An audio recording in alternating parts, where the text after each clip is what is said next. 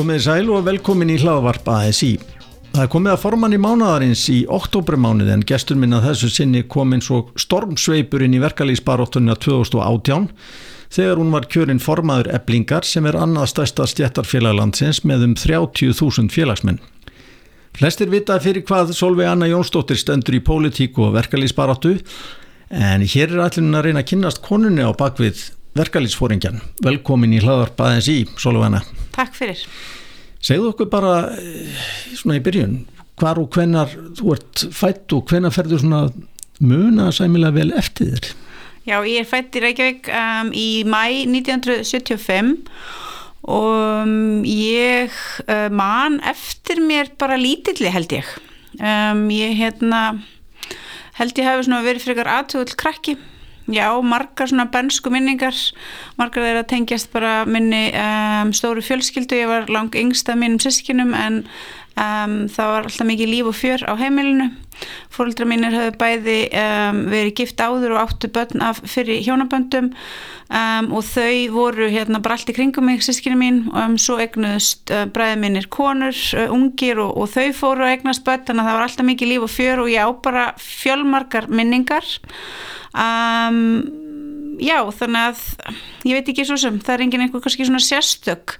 Margar þeirra já tengjast svona hérna bara um, skemmtilegum svona fjölskyldu hérna mómentum en svo á ég líka reynda minningar af mér að fremja svona ymsa batnaglæpi ég hérna var alveg svona mjög upp á tækja söm sko.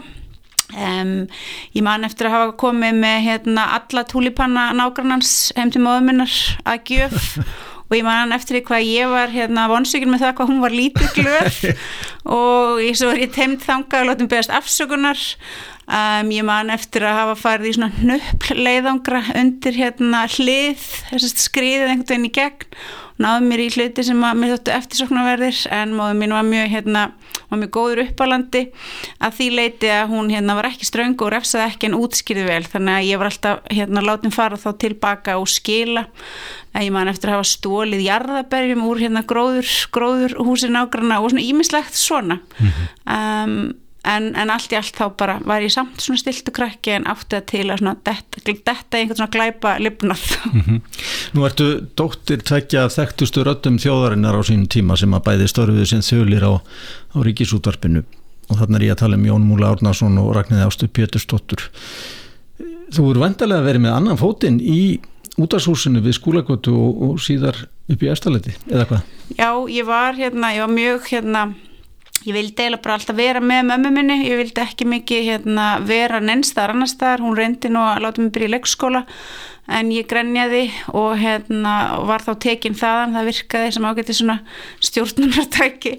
Um, og uh, ég vildi helst ekkert vera í pössun, ég var endrarlega oft í pössun hjá að mér og ömmu fannst það gaman en aðalega vildi ég bara vera með móðminni þannig ég var mjög mikið bara með henni í vinnunni Um, og var jú vissulega bara mjög mikið nýra á skólagötu, hjekk þar bara löngum stundum um, ég var lítil þegar ég var búin að læra að lesa þannig að ég gæti hérna fljóðlega bara haft mjög vel ofana fyrir sjálfur mér þannig að það voru svona sem ekki vandræði sem fylgdi að vera með mig, með mig. Um, og eftir að útvarpi flutti svo upp í efstaleiti þá held ég áfram að hanga þanga til að ég er svona dætt inn í hérna unglingsárin þá náttúrulega var það ekki lengur mjög eftir svona verðt að hanga með móður sinni í vinnunni. Mm -hmm. en já þannig að ég var mikið í útverfinu, sýstur mínar tvær önnuðar líka. Þannig að það var einhvern veginn bara alltaf rosa gaman að koma og vera á allt bara mjög vel tekið á móti mér. Og ég fekk svona bara ráfa um og, og skoða mig um og hérna finna hvar sýstur mínar voru hanga með þeim Þannig að ég á hérna bara, já, mjög svona góðar og skemmtilegar minningar þaðan, sko. En langaði þið aldrei sjálfa að, að verða út á skona? Nei, um, það er kannski erfitt fyrir fólk að trúa þessu. en ég, hérna, um, þegar ég var svona yngri og reyndar bara ennþá, þá um, fannst mér svona aðtikli, mjög svona, hérna, erfið og óþægileg Uh, svo lengi sem ég veist, stjórnaði ekki alveg sjálf á hvaða, hérna, á hvaða tíma hún kom og ég vildi hafa það alveg á mínu fórsendum þannig að fóröldra mínir voru hérna, auðvitað svona þekkt og svo var fæðið minn náttúrulega kommunisti og, og svona umdeldur um, þannig. Þannig að það fylgdi því oft uh, neikvæð aðtikli fyrir mig þegar að fólk svona áttaði sig á því hverra manna ég var og ég var oft svona henn svara alls konar einhverjum spurningum. Þannig að í mínum huga þá var hérna það einhvern veginn að fólk vissi hver maður væri var bara alls ekkit eftirsoknavert um, þannig að ég veit það ekki. Nei, mér langaði aldrei aldrei að gera neitt sem að myndi einhvern veginn svona hérna útsetja mig fyrir neikværi aðvikli en svo er ég náttúrulega búin að enda, enda á þeim stað Já, en, ég ætlaði með þetta að segja það, nú, nú ert þú orðin landslegt og, og hvern, hvernig fer það í þig? Um, já, það er náttúrulega, þú veist, ég er þá landstækt fyrir einhverja svona baráttu, sko, þannig að það, já, það hefur verið svona, það, það er alls konar, alls konar hins einn mm -hmm. og auðvitað, hérna, mikill svona lærdomur fólkin í því að stýra því náttúrulega ekki á neitt hátt Um, þú veist, ég hef enga, enga stjórn á því lengur á svona hvaða forsendum aðtiklinn kemur. En já, nei, þannig að mér langaði aldrei aldrei neitt að hérna að starfa í útverfinu mm -hmm. bara hafði reyndar engan svona sérstakar metnað fyrir einu nýjan einu sem krakki nema því að lesa Um, og reynda að leika mér. Já, hvað varstu aðalega að lesa það? bara allt mögulegt sko. Um, auðvitað bara svona eins og krakkar sem lesa á um, Norðurlundunum þá lesi ég náttúrulega Astrid Lindgren. Alveg bara alla og aftur og aftur og aftur og það er hérna bækur sem ég er með heima heima hjá mér frá því ég var stelpa það eru bara svona eiginlega í henglum og margmertar ég hef náða að byrja að merkja þær kannski þegar ég eignast þær þú veist og svo held ég því áfram einhvern veginn frá unglingsárin og svo auðvitað las ég hérna Tófi Jansson líka og allar þessar svona norrænu kanónur. Um, en svo um, eftir að ég varð svona stálpaður í krakki svona kannski í kringum nýjára aldrun þá eiginlega var ég orðin þannig að ég las bara hvað sem er. Og ef ég komst í bók þá eiginlega bara las ég hana um, og um, ég fekk að lesa bara það sem að lá á borðum heima og, og hérna, í, var í hillunum. Það var held ég bara í eitt skipti sem að bækur voru teknar svona úr umferð svo ég kemist ekki í þær og það voru dönsku bækurnar um þræla eiginnar því það voru náttúrulega svo hræðilega lýsingar sko og ég var einhvern veginn búin að komast í þar og var einhvern veginn svona að sagt, fletti gegnum þær og svo næst þegar ég ætlaði að hérna, fara og lesa meira um skjálfilegar pyntingar og hylling þá fann ég þær ekki en ég man ekki eftir því að um, an, an, annað hafi verið látið hverfa mm -hmm. þannig að það er eiginlega bara já, þetta er eiginlega bara svona stutta, stutta svarið við langasvarinu mm -hmm. Ég gerir ráð fyrir því að það hefur verið mikil tónlist á heimilinu pappiðin frægur jazz geggjari mm -hmm. og, og, og þetta samti hellingamúsík sjálfur mm -hmm. og svo bróðin Eithor Gunnarsson mm -hmm. sem er nú einn mesti snillingur sem við eigum í dag í músíkinni mhm. Varstu einhver tíman að fyrta við tónlist? Sko, um, já, nú náttúrulega alltaf þegar ég fyrir svona eitthvað að tala um, um, um þessa hlut þá náttúrulega kemur í ljós hversu hérna hversu erfitt, um, erfitt það var fyrir smóður mína að um, stjórna því hvað ég gerði. Ég var óstýri lát óráþægin var það kallað. Um, þannig að ég fór í tónlistarnám og, og mér fannst það alveg skemmtilegt og ég hérna, hef mér mikla unun af tónlist og ég held ég sé bara uh, vel músikalsk en ég er náttúrulega mjög hérna svona aðtiklisbrestu líka. Þannig að um, það svona einhvern veginn að sitja og æfa, það gekk ekki vel. Og þetta skapaði miklu spennu á milli mín og móðu minnar. Að hún að pína mig til þess að setjast við pianoið um, og það einhvern veginn, ég skil hana bara mjög vel að hafa hérna bara gefist upp á þessu verkefni. Því að það er náttúrulega eins og allir vita sem eiga um, óráð þeim börn, það er mjög erfitt að fá krakka sem að hafa sterkan vilja til þess að gera eitthvað sem þau kannski vilja ekki gera mm -hmm. þannig að já, ég var sett í tónlistanám en eins og með svo margt annað nám í lífið mínu þá, þá hætti ég því Talandu um það, hvernig, hvernig gekk þér í skóla þegar þú varst barnunglingur? Sko, mér gekk bara mjög vel svona framanaf og auðvitað hérna er það um, svona líkilina mjög mörgu bara að hafa góð tök á lestri en það gerði það náttúrulega líka verkum að ég gæti svona komist upp með að uh, fela það um, að um, annað kannski lág ekki jafn vel fyrir mér eins og til dæmis starffræði ég var svona frekar ung þegar ég hérna var svona eða bara búin að missa tökin á því sko. Um, þannig að um, þegar ég var komin í gagfræðaskóla þá hérna var mér farið að leiðast bara mjög Um, og um, svona engunir báru þess bara mjög skýrt merki að hérna uh, hvað get ég sagt, gæðunum var mjög misjamt skiptin í höfðun á mér. Þannig að ég stóð mig mjög vel í öllu því sem að snýrst um það að hérna lesa texta og, og, og skrifa svona einhver texta en annað hérna annað gekk ekki eins vel. Þannig að þegar ég var svo búin að útskrifast úr uh, gagfræðaskóla og átti þá að vera á leiðinni í mentaskóla þá hérna þá var ég bara komin með mjög svona mikinn og djúpan svona skóla leiða og um, hann endist mér bara mjög lengi Og fórstu ekki í, í neitt nám eftir, eftir grunnskólan eða eitthvað? Ég náttúrulega um, var alveg upp á fólki sem að vildi auðvitað reyna að hérna, koma mér til menta.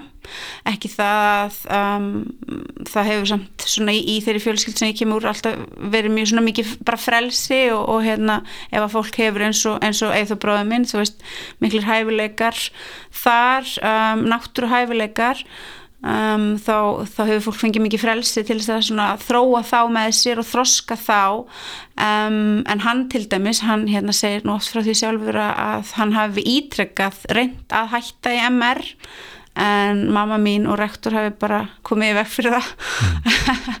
en ég, jú, jú, ég byrjaði í, í mentaskóla og um, þegar ég gafst upp á því námi 19 ára gömul þá er ég nú búin að prófa þrjá um, en fann mig bara alls ekki.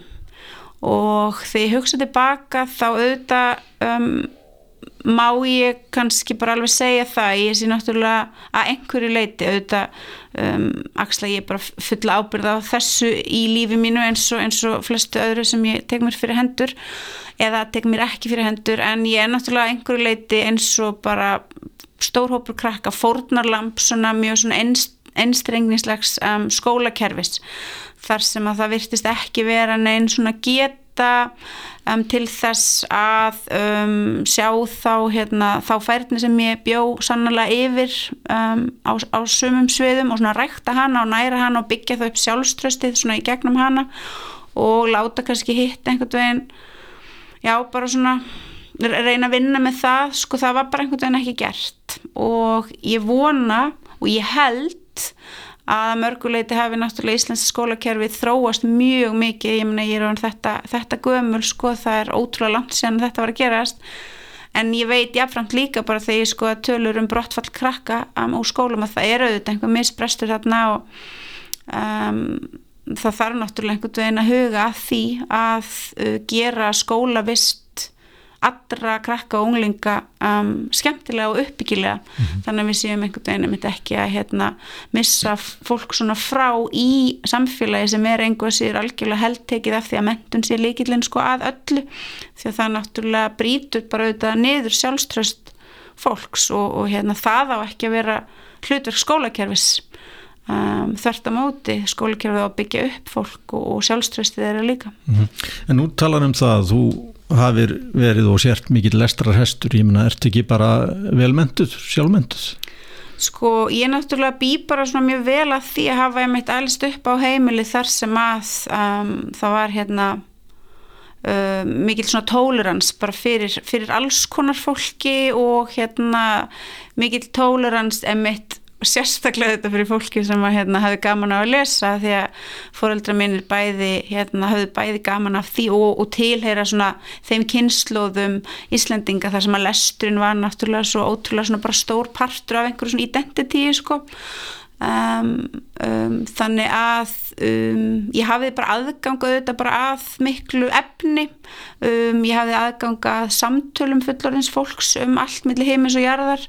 Ég hafði aðganga að uh, því að þau voru hérna, þau bæði mjög fróðlegsfús og mjög vilju að deila sínum fróðleg og svo átti ég líka góða að bæði sískinni mín og afa og ömmu og aðra sem að bara komi að þessu og um, mér var ekki refsað, ég var ekki krítiseruð um, þrátt fyrir það að ég hérna væri, hefði kannski alveg ofta átt að skilið sko þannig að það, það kannski hjálpaði mjög mikið og, og varð auðvitað bara þetta svona mikla mótvægi við um, þá kannski einmitt svona hérna ég veit ekki, þá svona tilfinningu fyrir því að ég væri kannski eitthvað defekt sem ég upplifði auðvitað bara mjög stert inn í skólakerfinu. Mm. þannig að, jú, ég er svona einhverju leiti get ég sagt að ég sé hérna ágætlega mentu á mörgum sviðum en það sem að náttúrulega háir oft fólki sem að fer ekki í gegnum skólakerfi og hérna er ekki langskóla gengið og ég finn það alveg með sjálf að mig. Þú er oft svona mjög gloppótt. Um, það er oft hérna já það er svona margt sem að þetta bara er ekki til staðar þannig að hérna Um, það, það getur líka alveg mm -hmm. um, verið erfitt sko En heldur þú búir að því, nú segistu vera og ert langingst af þínum sískinum og þú elst upp með foreldraðinir eru svona frekar e, fullornir þegar eignast þig og, og hérna þú elst upp í svona vantarlega samtal um pólitík og, og svona þroskaða umræðu vantarlega inn á heimilinu mm -hmm. býrðu ekki að því í dag Jú. var það ekki heljarinn á skóli? Það var náttúrulega mjög mikill skóli og hérna að vissuleiti var ég náttúrulega svona heima skóluð sko um, um, án þess að það væri kannski eitthvað svona hérna já það var ekki eitthvað svona niður njörfa en jú, ég myndi náttúrulega forma af heima skólun þegar að það er bara svona konstantli verið aðræða og tala og um, pappi minn til dæmis hann var hérna Um, við vorum að horfa á eitthvað í sjónvarpinu um, og um, það komu hérna, þá vorum við að tala um, um einhver, einhver lönd, þú veist fjarlæg lönd, þá voru alltaf náði landafræði bók sko og flett upp og ég var mjög lítil þegar hann var búin að kaupa handa mér og færa mér sem sérstaklega gjöf hérna nött með ljósi sko. Um, og þetta var alveg mjög svona dýrmætt, dýrmætt egn í lífi mínu sko nötturinn með ljósinu. Þannig að þú veist, jú, það var alveg lagt gríðilega mikið upp úr því að pota inn upplýsingum við öll tækifæri um, og auðvitað miklar og innilegar bara sko pólitískar hérna vangaveltur, umræður, upprópanir, fyrirlestrar um, og svo framvegs. Mm -hmm. Þannig að auðvitað hefði það bara mjög mikil mótandi áhrif. Mm -hmm. En þú ert þarna 19 ára og hættir í, í mentó og ferð þá vantarlega út í aðrunlífið. Hver, hver var fyrsta vinnan þín? Svona fyrsta alvöru vinnan mín um, já og ég er náttúrulega mitt. Ég var líka bara, mér fannst heldur ekkert gaman að vinna sem unglingur, ég langaði ekkert svona eignast pening og sapna mér fyrir neinu, þannig að það hafiði heldur ekki verið einhver svona drivkraftur en fyrsta alvöru vinnan mín þá um, fór ég að vinna í gælteimtunni um, sem að uh, fór svo inn í tollstjóra ennbættið, sko, þar var ég að vinna.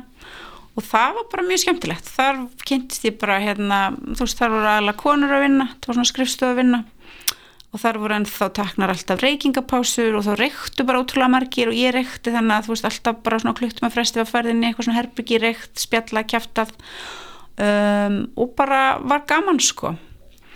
Um, og þarna var ég sérst að vinna og um, varð svo ófrisk og held svo áfram að vinna sérst að þá fyrir um, þetta fyrirbæri um, gæltimtuna og tollstjóra ennbættið þanga til að ég hérna, var orðin um, 25 ára gömul. Mm -hmm. Fjölskyldaðin í dag e, þú ert mann og, og, og börn? Já. Segð okkur frá þeim. Okay. Já, sérst mann, já sem ég er búin að eiga mjög lengi. Um, og e, við um tvö börn sem eru orðin bara mjög stór. Sonur okkar er orðin 23 ára. Og hérna er bara fluttur á heimann og, og hérna leir með með félagum sínum, vinkunum sinni í bænum og er í listaháskólanum. Og svo einhver dóttur sem er tvítug og hún er ennþá heima og er líka í listaháskólanum um, og svo hérna já, svo eigum við nú ekki fleiri bönn en svo eigum við tvo ketti mm -hmm. og, og hvort annað þannig að þetta er svona bara mjög svona hefðbundið fjölskyldulíf að mestu Var þetta æsku ástegnin sem að þú náður í þannig? Já, sem sagt við, uh, ég og Maggi maðurinn minn, við hérna erum búin að þekkjast síðan að ég var 16 um, meiri sé að kannski fyrirjöldu höfum nú sérst bara þegar ég var í tíndabæk og þá er hann eina ára eldri en ég sko svo erum við kærastupar, svona unglingakærastupar í mjög, mjög stormast sömu unglingasambandi um, Um, hættum svo saman og tökum svo aftur saman þarna um, þegar ég er rífulega tvítug og höfum verið saman síðan. Uh, fluttum saman til bandaríkjana þegar ég var 25 ára með þessi tvö litlu börn og, og byggum þar og já, hefum hérna bara verið saman mjög, mjög lengi Já, einmitt þetta með bandaríkin að því að þú ert nú harður marxisti mm -hmm. en þið takið þess ákvörðun samt að, að flytja til bandaríkina hvernig var að búa þarna í, í þessu heimalandi kapitalismans? Já, það var mjög áhugavert sko, þegar ég flytti út árið 25 ára og þá er ég svona, þá er ég nú ekki orðin svona eins og orðað harður marxisti þá er ég eh, vissulega mikil sósialisti og hérna um, svona Mm, hef alveg svona fixeraðar hugmyndir um hvað ég telji að það sé rétt í mannlegu samfélag og hvað ég telji að sé rámt en einhvað síður hefur náttúrulega verið eitthvað svona mjög mikið að velta þessu öllu fyrir mér á einhver, einhverjum svona djúpum fórsendum svo flyttum við til Bandaríkjana og um, eftir að hafa búið þar í nokkur ár þá fer ég svona mikið að velta bara bandarísku samfélagi fyrir mér Um, ég hafði tölverst rúman tíma. Um, krakkarnir mínir voru náttúrulega fyrst hálfanda í leikskóla og svo í skóla og ég vann lítið og ég hafði mikið tíma til að sinna sjálfur mér sem var bara mjög gott, ég þurfti mjög mikið á því að halda. Þannig að ég var að lesa og ég var mjög mikið bara svona hlusta útvarpið og fór að fylgjast mjög mikið með frettum og þannig er náttúrulega svo margt frettnæmt að gerast. Þannig að uh, fyrst er George W. Bush kjörinn fórseti Um, þó að margir segja náttúrulega að Al Gore hafi verið réttmættur fórsetið þá í það minnst að hérna, stoppar hæstiréttur kostninguna og, og George Bush um, er, hérna, er gerður að fórseta bandaríkjana um, það eru árásöfnar á tvíbraturnana uh, og í kjölfar þeirra þessi, hérna, þessi brutalismi um, hemdarhyggjunar og heimsólda um, stefnunar um, einrásum í Afganistan, Írak og svo bara öllum þeim fræðilegu hörmungum sem að fylgja kjölfar þess. Svo fer ég jafnframt að velta fyrir mér um, uh, kynþáttahatri og rasisma í bandaríkjunum og hvernig hann fungerar stjætskiptingunni sem er náttúrulega svo ótrúlega áberandi bara svona um leið og ferða að hugsa um þessa hluti þá ferðu bara að sjá þetta með svo rosalega skýrum hætti Um, ég uh, fyrir að vinna í hérna lítilli kjörbúð bara í svona hlutastarfi og þar kynist ég náttúrulega svona working poor fólki, bara hérna félögum mínum, bara ágreindu og skemmtilegu kláru hæfilegar ykkur fólki sem er bara alið upp um, í fátökum verkamannafjölskyldum og hérna á, á bara aldrei neitt sen sko Þannig ég fer svona að bara hugsa mjög mikið og fer að skoða og það er eiginlega dvölin í bandaríkjónum sem gerir þetta.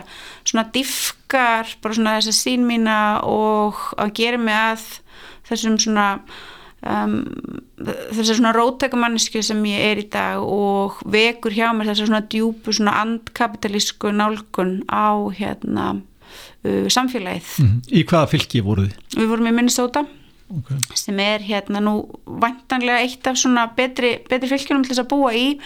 Þar eru bara svona lifistandardar nokkuð góðir. Til dæmis fór Minnesota er held ég eitt af þeim fylgjum sem fór hvað skást út úr uh, rauninu og afleggingum þess um, 2008 Um, uh, svona public schooling system er mjög gott þar og um, um, viss svona viss stemning fyrir þessari svona velferðarsín sem við þekkjum. En enga síður þá er það jafnframt eitt af mest svona segregated fylgjunum, þar er gríðarlega skipting á milli kvítra og svo svartra og hún sest bara með svo ótrúlega skýrum hætti. Þú hérna, getur ekki annað en bara séðana og svo ef þú ert með hérna, um, ef þú ert með heila í höfðinu þá hlýtur að fara að velta þig fyrir þér um, á, hvernig standi á þessu og svo framvegis. Þannig að það eru líka þessar svona ótrúlega mótsagnir sem að byrtast allstaðar um, og það líka hlýtur á endanum að gera mannesku að marxista.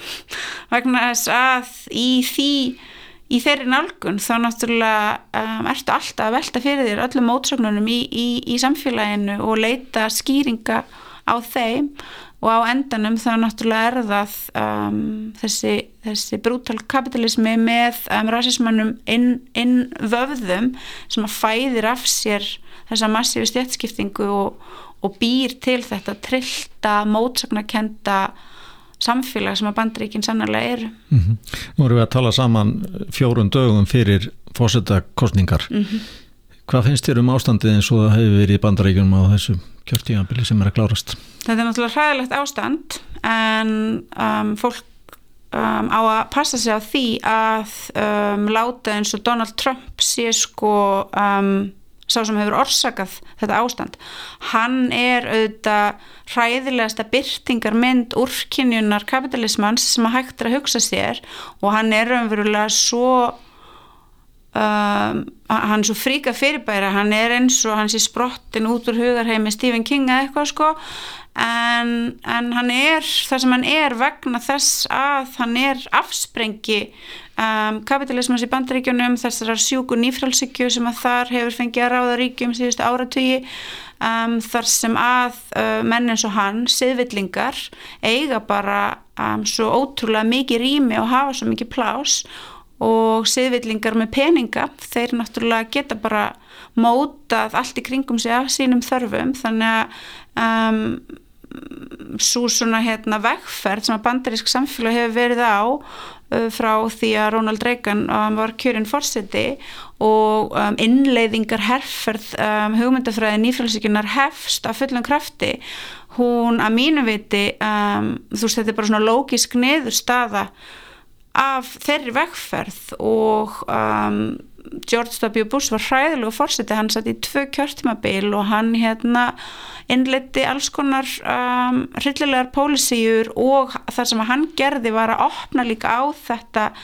þetta rosalega ofbeldi þú veist að ofbeldi bara sem hérna lausn í, í um, samskiptum á milli þjóðuríkja og svo framvegis væri raunverulega bara það sem þú ættir að nota. Þú veist ég minna við búum inn í, inn í heimi núna þar sem að hérna hlutir eins og einhver svona diplomasi og svona verðast bara hérna hafa, hafa fallið svona bara einhvern veginn út af, af borðinu. Þannig að um, svo, svo er það náttúrulega þessi hræðilegi rasismi. Um, við myndum sérna stuttlega á hrunið 2008 áðan um, svart fólk í bandaríkjunum um, og svo fólk af hérna meksikóskum uppruna hefur náttúrulega farið miklu miklu verð út úr því heldur en hvít fólk. En svo ertu með þessa þjáðu hvítu um, hvítu verkalistjætt sem er hérna um, sundurnöguð af ópjóða um, faraldrinum, þar eru sjálfsmorð bara hérna í, í stöðugt vaksandi, þú veist já það er bara fleiri og fleiri sem að fremja sjálfsmorð, ég minna þú veist þetta er, þetta samfélag sem að er um, grotnað í sundur af um, þeirri eitrun sem að hefur bara fengið að viðgangast og hefur bara breytt úr sér þannig að ég bara vorkinu fólkin í bandaríkjunum mjög mikið og ég hérna veit ekki hva, hvað býður þeirra einlega mm -hmm. Við getum álega talað í allan dag um, um bandaríkin og, og það sem er að gerast þar en við skulum koma aftur hérna heim og bara svona að sjálfur þér aftur. Áhuga málinn þín í dag hvað, hvað hérna þú sagði mér að þú væri mikið fyrir ketti. Já lífið mitt núna snýst mjög mikið um ketti, ég er með tvo ketti heimja á mér ég er með gamla kísan minn sko sem er orðin alveg 12 ára á 13. ári svo er ég með 20 ára gamlan hérna kött uh, þannig að þeir þeir eru báðir mjög hérna frekir og rýfast, svo er ég að passa sagt, um, kött móðuminnar sem að lést núna sent í sömar hann, hann á eftir að komast á nýtt heimili þannig ég sinni honum. Þannig að ég er mjög hrifin að köttum en kettur er orðið svo kannski full stórpartur á lífið minu um, já, þannig en, en ég er vissulega mjög mikil kattakona. Mm -hmm. En þú vilt slaka á eða gera vel við þig hvað, hvað gerur þú þá? Um, já, þá finnst mér bara rosa gaman að fara út að lappa að fara út fyrir bæin ég kalla allt sem er ekki Reykjavík sveit. Um, ég er hérna, mikið borgarbann um leið og ég er ekki lengur í borginu þá er ég komin í sveitina og hérna flokka sveitina ekkert niður í einhverju svona grófari. Eða ég er með grófa flokkun á sveitina er ekkert einhverju svona fítni undir flokkar og þá vil ég bara vera úti að lappa finnst það mjög gaman, ég er ekki mikið fyrir einhverju svona fjallgöngur heldur meira svona pauf og ráf um, en get gert það tímanum saman Uh, mér finnst gaman að lesa. Ef ég kemst í eitthvað gott mér finnst gaman að lesa vísindaskálsur um, og mér finnst hérna líka gaman bara að hóra sjónvarpi mm -hmm. og eins og allir svona sci-fi nördar vita þá hérna er gott sci-fi gulli betra. Og ég held að hérna engir sjónvars eða bíómynda áhörvendur séu sko hérna þakklátari og svona örvendingafullir hópur en sci-fi fólkið um, þannig að þú veist ég er oft bara svona eitthvað að, leita að nýjasta sci-fi-inu og nú til dæmis um, er ég búin að vera að horfa á Raised by Wolves sem er nýtt HBO sci-fi. Um, og glæðist yfir því. Svo er ég um, líka að horfa á nýju Star Trek seríuna sem að þriðja, þriðja hérna Discovery sísunnið var að byrja núna. nörd, Þetta er nú nördalegt. Þetta er mjög nördalegt en ég, ég held sko annarkort, ég veit ekki. Ég held samt þetta sé alveg pingu svona annarkort fílur sci-fi eða ekki. Mm -hmm. en fyrir fólk sem hefur svona genuinely gaman af vísindaskáldsögum sem ég hef haft síðan ég var bara með lítil stelpa og komist til svona fyrst alveg einhver svona vísindaskáldsögum sem ég fór að lesa það var hérna eftir Isaac Asimov Stálheilar minnum hún heiti og svo fór ég að lesa Úrsulu Leginn og svona, en ég meina fyrir fólk sem að fílar þetta svona Sean Ray þá, þá er þetta náttúrulega bara eitt af skemmtilegast sem við gerir. Vegna þess að inn í þessu Sean Ray getur að tækla allt sem er að gerast í samtímanum. Þú veist þannig er að velta upp svona öllum stóru spurningunum um mannlega tilveru um hérna allt sem við erum að takast á við núna. En þú bara kastar því inn í eitthvað svona futuristist hérna svona moment. Þannig að allt sem er erfitt og hrikalegt getur þú svona kryttað aðeins upp með hérna, ég veit það ekki um, gemskipum gemverum og þú veist það, það gerir allt bara betra og skemmtilegra. Mm -hmm. Þú saðir einn á þann að þú veri, hefði verið svona átt að til að vera óþekk og, og jafnvel með aðtiklisbreyst og, og svona vilja fara að þínar eigin leiðir. Þú hefur verið dæmt fyrir þáttöku í mótmælum. Mm -hmm stutta, stutta útgána þeirri svo Já, ég syns að er dæmt uh, fyrir hérna fyrir þáttöku mína í um, því sem að kalla var innrásin, innrásin í alþingi þegar að ég á samt um, fremur stórum hópi uh, fór uh, inn í alþingishúsið í desember 2008 uh, við ætliðum sagt, að fara upp á þingpallana um, sem er stjórnarskrarvarin um, réttur uh, íslenskra um, bara kjósenda og fólksins að þessu landi. En auðvita í ljósi þess ástands sem að þarna ríkti og í ljósi þess að við vorum stór hópur um, þá var enginn að fara að hleypa okkur þarna upp þannig að það eruðu átök og hasar.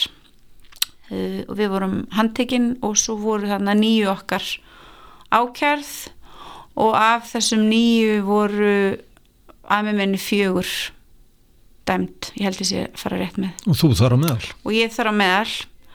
Um, og þetta mótaði mig bara mjög mikið. Um, ég hérna bæði var auðvitað mjög gaman um, að taka þátt í þessari mótmæli hreyfingu sem að var á þessum tíma og ég kynntist alls konar fólki og gerði alls konar hluti um, og svo framvegis. En, en þessi hérna þessi réttarhöld og það, það var aftur á móti ekki gaman. Um, við vorum sem sagt áttum á höfðu okkar áttum yfir höfðu okkar að vera dæmt eða ég og, og, og þau sem að voru þarna í alltaf 16 ára fangelsi. Þannig að um, ég var um, ég trúði því reyndar aldrei að ég er dæmt í 16 ára fangelsi en ég hafiði mjög raunverulegar áhyggjur á því að ég er dæmt um, því að það var krafa um, Láru var Fjúliusdóttir sem að þarna var af saksóknar í málinu að sem sagt uh, refsingin erði að lámasrefsing 1 ár og hámasrefsing 16 ár og ég skinnjaði aldrei annað en fulla, fulla alvöru hjá þeim sem var ákveð þetta mál um, og, og öðrum sem að hérna sem að beittu sér í þessu máli í samfélagsumræðinu en það, það væri mikill vilji fyrir því að okkur sannlega erði refsað og, og við sem að hérna Um, búum inn í um, réttaríki eins og okkar við hljótum að, að taka því alvarlega þegar að hérna, farið, er, farið er í domsmál mm. hver, hver var dómurinn á endanum? Uh, ég var dæmd í um, sektargreðslu mm. og um, e eitthvað, eitthvað skilárspöndið Já, þetta var 2008, tíu árum síðar þá, þá ákveðið þú að bjóða þið fram mm -hmm. sem formaður eblingar -hmm. um hvað, hvernig verður svo hugmynd til og ákvörðun? Já, hún eiginlega, sko, ég fekk nú ekki þessi hugmynd. Um, ég um, var þarna í hópi fólks sem að voru um eflingarfélagar sem að hérna hafði mikið áhuga á því að um, um, svona breyta, breyta stemningunni og breyta félagin og svo framvegis. Og svo hérna um, eftir að félagin mínur höfðu svona hérna potast í mér og eins og sagt er margt fólk komið að tala um mig þá, þá hérna einhvern veginn bara svona eiginlega gerðist þetta. Þetta var eiginlega svona já, þetta var eiginlega svona ákvörðuninn hafið eiginlega svolítið svona bara verið um, hún kom eiginlega svolítið svona til mín. Mm þannig að ég hérna tók, tók þá bara þátt í þessu verkefni sem var náttúrulega þetta verkefni margra Hefur þetta starf starfformans verið svipað og þú ættir vona á svona fyrirfram? Já, að mörgu leiti. Ég vissi alltaf og það var alveg svona part af því að ég var hérna, um, ég var svona sein til þess að, til þess að sæ, sæ, sættast á þetta, þessa hugmynd. Ég vissi að þetta er mjög erfitt, ég vissi að þetta er svona uh, intense og ég vissi að ef ég myndi gera þetta og ef við myndum vinna þessa, þessa kostningu þá myndi ég svona kasta mér út í þetta fullum krafti. Um, og ég hef náttúrulega tekið þátt í alls konar aktivism en það er náttúrulega allt öðru vísi vegna þess að aktivismin er þannig að um, þú svona gefur af þér það sem þú getur en þú getur líka sagt nei þú, nú hef ég ekki tíma, nú get ég ekki meira nú þurf ég að kvíla mér svo framvegis. En í starfi eins og þessu þá náttúrulega getur það ekki. Og við vorum auðvitað með stórar og miklar væntingar til þess sem við ætluðum að gera. Og um, jafnframt hafði ég náttúrulega aldrei tekið þátt í nefnir svona verkefliðs baráttu að verkefliðs pólitík þannig að ég var að fara inn í heim stopnana heim, reysa stóran eins og íslensk verkefliðsreyfing er sem ég þekkti ekki og vissi ekkert um.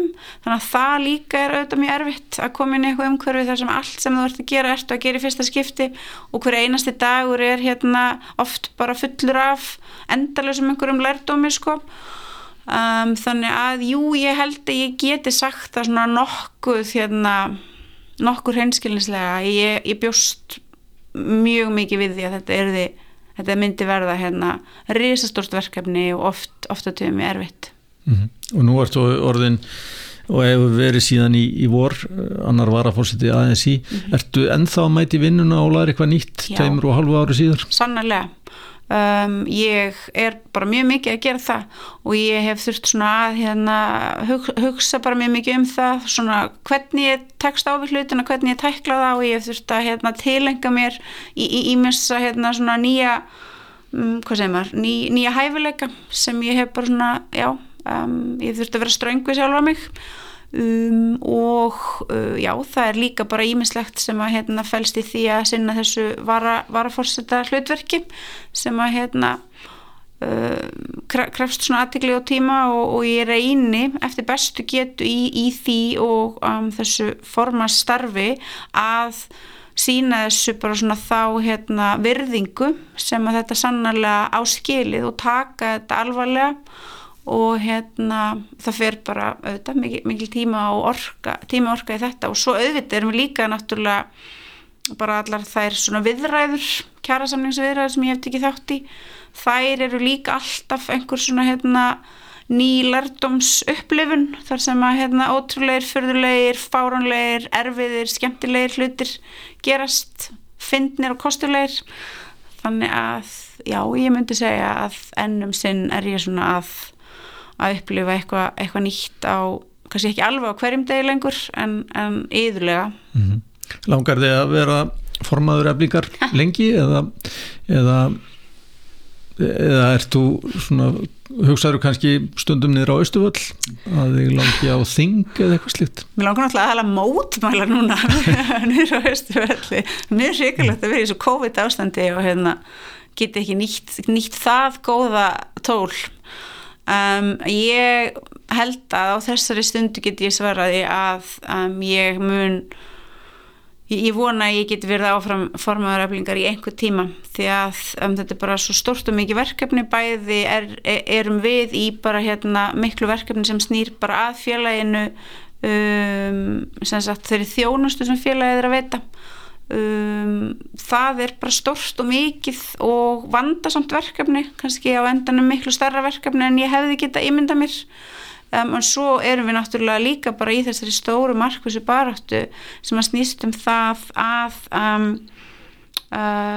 vinna að meira og meira og meira efnagslegu réttlæti fyrir verka á láluna fólk og það getur nú engin manneskja með hérna vott af bara einhvers konar, einhvers konar hérna, heiðarleika litið á Íslands samfélag og, og sagt að það sé eitthvað lítið eftir sem eigi, gera, eigi eftir að gera í þeim málum. Þannig að eins og ástandið er núna um, og eins og það vantanlega verður um, um langar hríði viðbót þá held ég að þá held ég að um, kröftu mínum verði um, vel varið í þessu, um, í þessu sæti og ég held að sá svona tími og svo svona ennbytting sem ég hef sannarlega sett í þetta, þessa vinnu um það væri bara mjög mikil sóun að hérna einhvern veginn halda því ekki áfram í það minnsta um, um eitthvað, einhverja einhver tíma í viðbót. Solveig Anna Jónsdóttir formaður öflingar, látum þetta vera að loka orðin Kærða ekki fyrir komuna Takk kærlega fyrir